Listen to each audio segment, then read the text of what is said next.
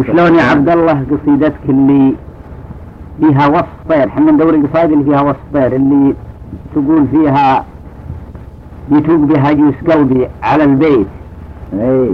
إي. وأدري بغيبة راعي البيت وأروح. من الله.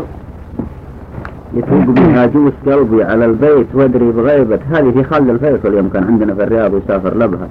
إي. رحت على العادة على أساس أن نجيه نجي عندك الليل وأترى مسافر مثل اليوم وأنا والله خابر مسافر لكن سجيت يتوق بها جوس قلبي على البيت وأدري بغيبة راعي البيت وأروح ونجيل وش علمك نسيت أو تناسيت؟ قلتها أنا وحقني الباب مفتوح. بيت تنصاه الرجال المناعيس ماجد وقف دونه للأجواد نابوح.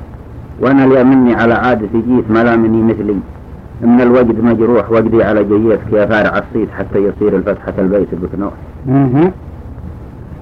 طير السعد مما كان له اليا هد ما يرجع عن الطلع للوح دايم مصابيحه بروس النحاتيف من غير تعلوم.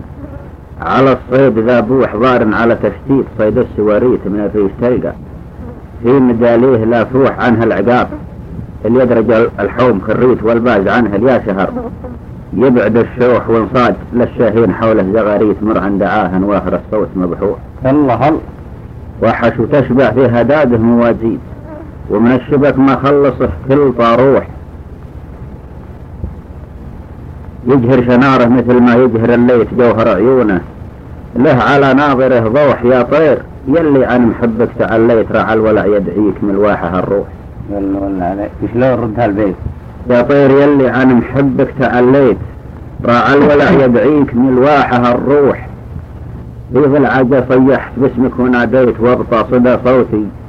يجلجل على الصوح اسجم وللعبرات بالصدر كنيت ولجت بي العبرات والدمع مسفوح خليتني. في بحر الأوهام كالميت وأنا عرض لي. دون لا ماك ساموح عليك. بل في ضميري تجريت واقبل عتاب الروح. يا خير ممدوح واسلم يا خالد. ما على وصلك شفيت ومغردا ورق الحمايم على الدوح والله.